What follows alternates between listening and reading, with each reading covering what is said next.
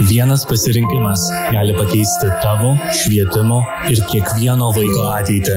Užpildyk renkuosi mokyti kandidato anketą ir tap pokyčius kuriančių mokytojų. Programą įgyvendina Mokyklų tobulinimo centras. Labas, aš Irma ir šiandieną tiek žinių apie apdovanotus menininkus, kūrybingus sportininkus, karantino laisvinimus ir britiškas atostogas. Lietuvai minint savo gimtadienį tradiciškai kasmet įteikiamas nacionalinės kultūros ir meno premijos. Šie metai neišimtis. Tiesa, dėl pandemijos jos prezidento rūmų Baltojoje salėje įteiktos virtualiai. Gerbiami nacionalinių premijų laureatai, komisijų nariai, visi kultūros ir meno kuriejai bei mylėtojai. Šiuo priverstinio pasaulinio sąstingio metu, kreipiantis į jūs, galima daug kalbėti apie tai, ko nėra ko trūksta. O nėra įprastos premijų teikimo ceremonijos. Prezidentas Gitanas Nausėda kultūros ir meno premijomis pagerbė kino operatorių Joną Vitoldą Tomaševičių, rašytoją Saulių Tomą Kondrotą, aktorę Reginą Šaltenytę, dailininkę Eglę Ridikaitę, muzikologę Rūtą Stanevičiūtę ir architektą Gintarą Balčytį. Beje, po keliarių metų pertraukos prezidentūroje vėl įteikta nacionalinė Jono Basanavičiaus premija. Ji skirta tautodailininkui Jonui Rudzinskui, žilgametę tautodailės puoselėjimo veiklą bei tautodailės prestižo stiprinimą. Prisimenate, kaip praėjusiais metais į ceremoniją nebuvo įleista laureatė Viktorija Kudytė, tai šiais, kadangi viskas vyko virtualiai, tokių incidentų nebuvo, nors gal jie šiame tiesiog neleido kurio nors laureatui Zoom pokalbį. Ar nepamiršot ryto mankštos? O gal mankštinatės prie vyriausybės? Šį rytą šaltame ore po krintančiomis snaigėmis ten sportavo nemažai žmonių. Vinco Kudirkos aikštėje buvo įrengti improvizuoti teniso kortai, krepšinio aikštelė bei bokso kreušė. Kodėl?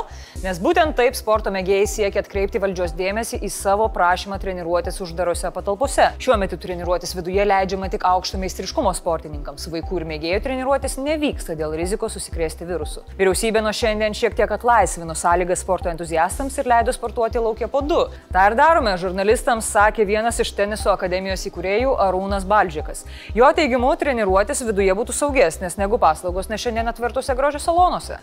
Improvizuota kašiuką mėtė sostinės krepšinio mokyklos atstovai vyriausybei norėjo perduoti žinutę, jog su sportininkais nebuvo tartasi dėl karantino švelninimo. Ir iš vis, ar bus naudos išleidimo treniruotis laukia, kai temperatūra minus 15? Kaip teigia vienas iš trenerių, krepšinio salė didelė, atstumus išlaikyti galima. Ar tikrai? O kaip ta situacija, kai reikia stabdyti važiuovą ir turi jį visą kuo labiau apkabinti, kad trukdytum jam pajudėti? Netrodo labai saugu.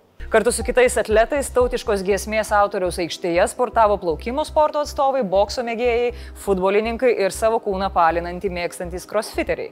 Pasak pastarųjų, šio laikinėse salėse kontaktų beveik nėra. Jie labai nori, kad būtų leista sportuoti šiltoje salėje, o ne laukia, kurio vis dar neapleidžia snygis. Ką į tai po vyriausybės ekstremalių situacijų komisijos posėdžio šiandien atsakė ministras Dulkys? Šiaip tai aš tuos dalykus, vis, vis, visas, visus siunčiamus signalus, žinokit, vertinu labai teigiamai, nesvarbu kokia forma. Ir taip pat paminėjo, jog vyriausybė yra atvira visiems pasiūlymams ir pokyčiams, jeigu tik jie įmanomi. Aš manau, kad jų tikrai reikia pasiklausyti, nes tos bokso kreušės po to gali atsirasti ir vyriausybėje.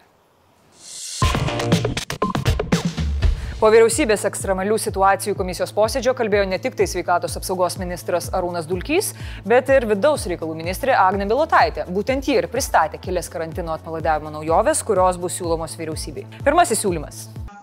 Vyriausybės ekstremalių situacijų komisija mm, pritarė ir, pati, ir, ir teiks siūlymą vyriausybei svarstyti judėjimo atlaisvinimą tarp Alitaus, Šiaulių ir Panevežio miesto ir jų žiedinių savivaldybių. Tačiau kodėl laimingos yra tik šios trys savivaldybės? Ministrės teigimu buvo nuspręsta eiti etapiškai ir pirmiausia pradėti nuo mažesnių žiedinių savivaldybių, o dėl didesnių spręsti kiek vėliau atsižvelgus į sergamumo rodiklius. Toliau kitas pasiūlymas. Yra siūlymas vyriausybei svarstyti vairavimo egzaminų ir praktinio vairuotojų mokymų atnaujinimą. Naujiena tikrai nebloga, kuo daugiau žmonių įsilaikys teisės, tuo mažiau mums reikės laukti, kol atvažiuos boltas arba vakariau sakytas burgeris. Ministrės duomenimis daugiau kaip 13 tūkstančių žmonių šiuo metu laukia vairavimo egzamino. Plane, kuriam vyriausybė pritarė, numatyti, kad vairavimo egzaminai ir praktiniai vairavimo mokymai galėtų būti leidžiami sergamumui pasiekus 200 atvejų 100 tūkstančių gyventojų per dvi savaitės, o teigiamų testų skaičiui kritus žemiau 10. Kada tai gali nutikti? Ministras sako, jog gal jau net ir ateinantį pirmadienį. O ar šiuos siūlymus priims vyriausybė, sužinosime ateinantį trečiadienį. Dar vienas siūlymas yra labiau nesiūlymas, o pareiškimas ir nelabai teigiamas. Nuo trečiadienio 8 ryto yra griežtinama atvykstančių mašinomis iš Lenkijos kontrolė. Tokių veiksmų imtasi siekiant sumažinti koronaviruso mutacijų plitimo grėsmę. Pasienio kontrolė bus griežtinama nuo trečiadienio 8 val. ryto, o kontrolę padės užtikrinti valstybės sienos apsaugos tarnybos pareigūnai bei nacionalinio visuomenės sveikatos centro darbuotojai. Visi kertantys sieną su kaimininė Lenkija turės pareigūnams parodyti užpildytą NVSC anketą. Kas laksut apsipirkti bedronką, pasiruoškite iš anksto. Visi Didžiosios Britanijos ir Airijos piliečiai atvykę į Angliją dėl didelės koronaviruso rizikos privalo savarankiškai izoliuotis vyriausybės paskirtose viešbučiuose. Tai nauja tvarka skirta išvengti naujų viruso mutacijų, kurios jau plinta po pasaulį.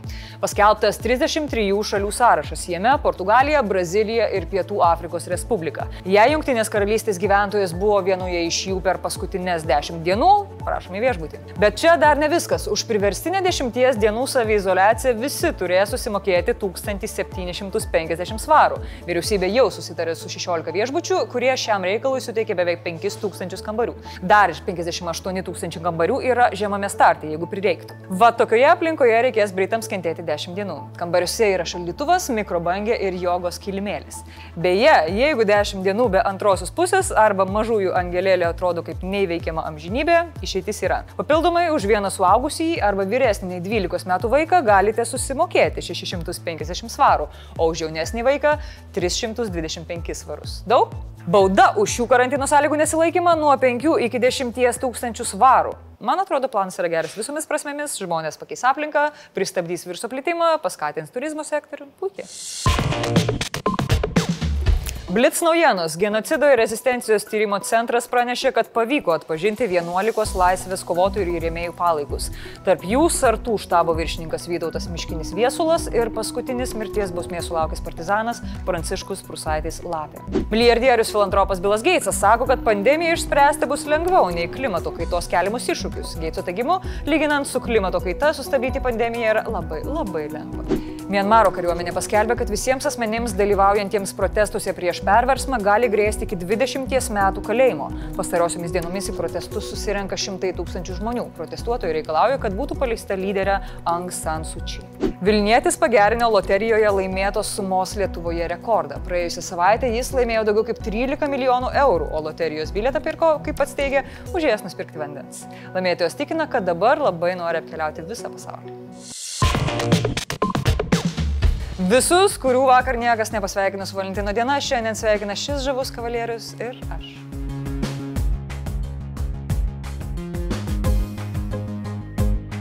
Rytoj speciali vasario 16 tiek žinių laida su Timūru, o aš sakau tiek žinių.